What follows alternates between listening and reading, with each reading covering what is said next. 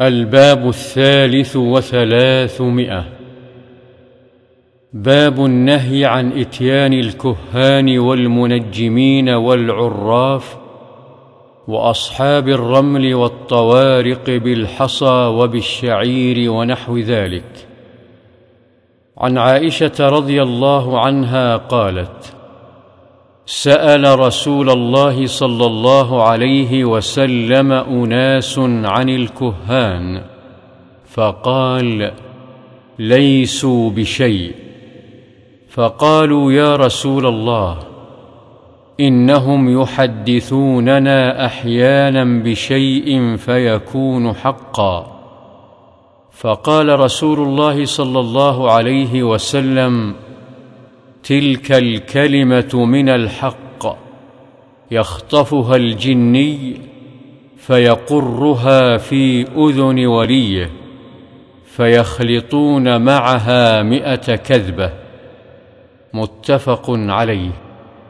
وفي رواية للبخاري عن عائشة رضي الله عنها أنها سمعت رسول الله صلى الله عليه وسلم يقول إن الملائكة تنزل في العنان وهو السحاب فتذكر الأمر قضي في السماء فيسترق الشيطان السمع فيسمعه فيوحيه إلى الكهان.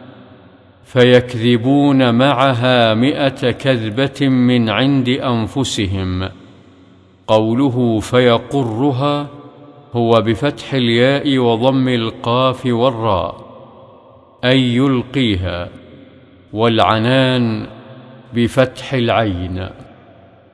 وعن صفية بنت أبي عبيد عن بعض أزواج النبي صلى الله عليه وسلم ورضي عنها عن النبي صلى الله عليه وسلم قال من أتى عرافا فسأله عن شيء فصدقه لم تقبل له صلاة أربعين يوما.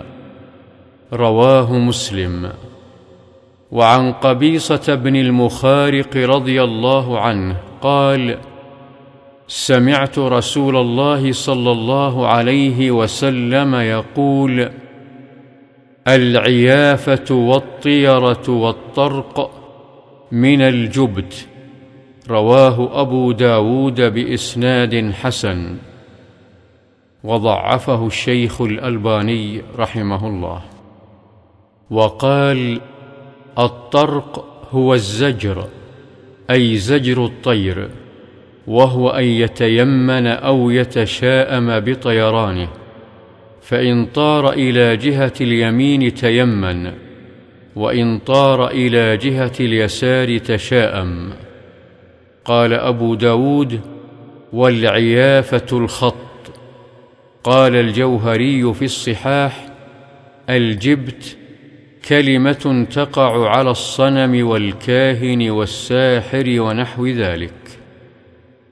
وعن ابن عباس رضي الله عنهما قال قال رسول الله صلى الله عليه وسلم من اقتبس علما من النجوم اقتبس شعبة من السحر زاد ما زاد رواه أبو داود بإسناد صحيح.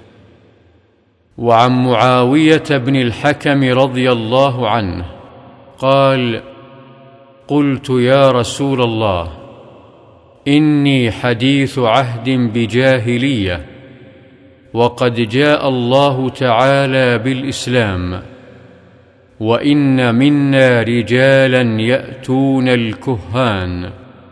قال فلا تأتهم. قلت ومنا رجال يتطيرون. قال ذاك شيء يجدونه في صدورهم فلا يصدنهم.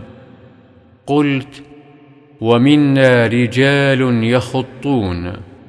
قال كان نبي من الأنبياء يخط فمن وافق خطه فذاك. رواه مسلم.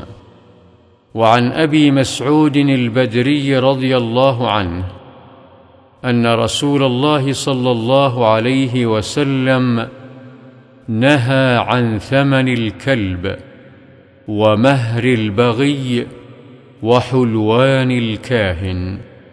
متفق عليه.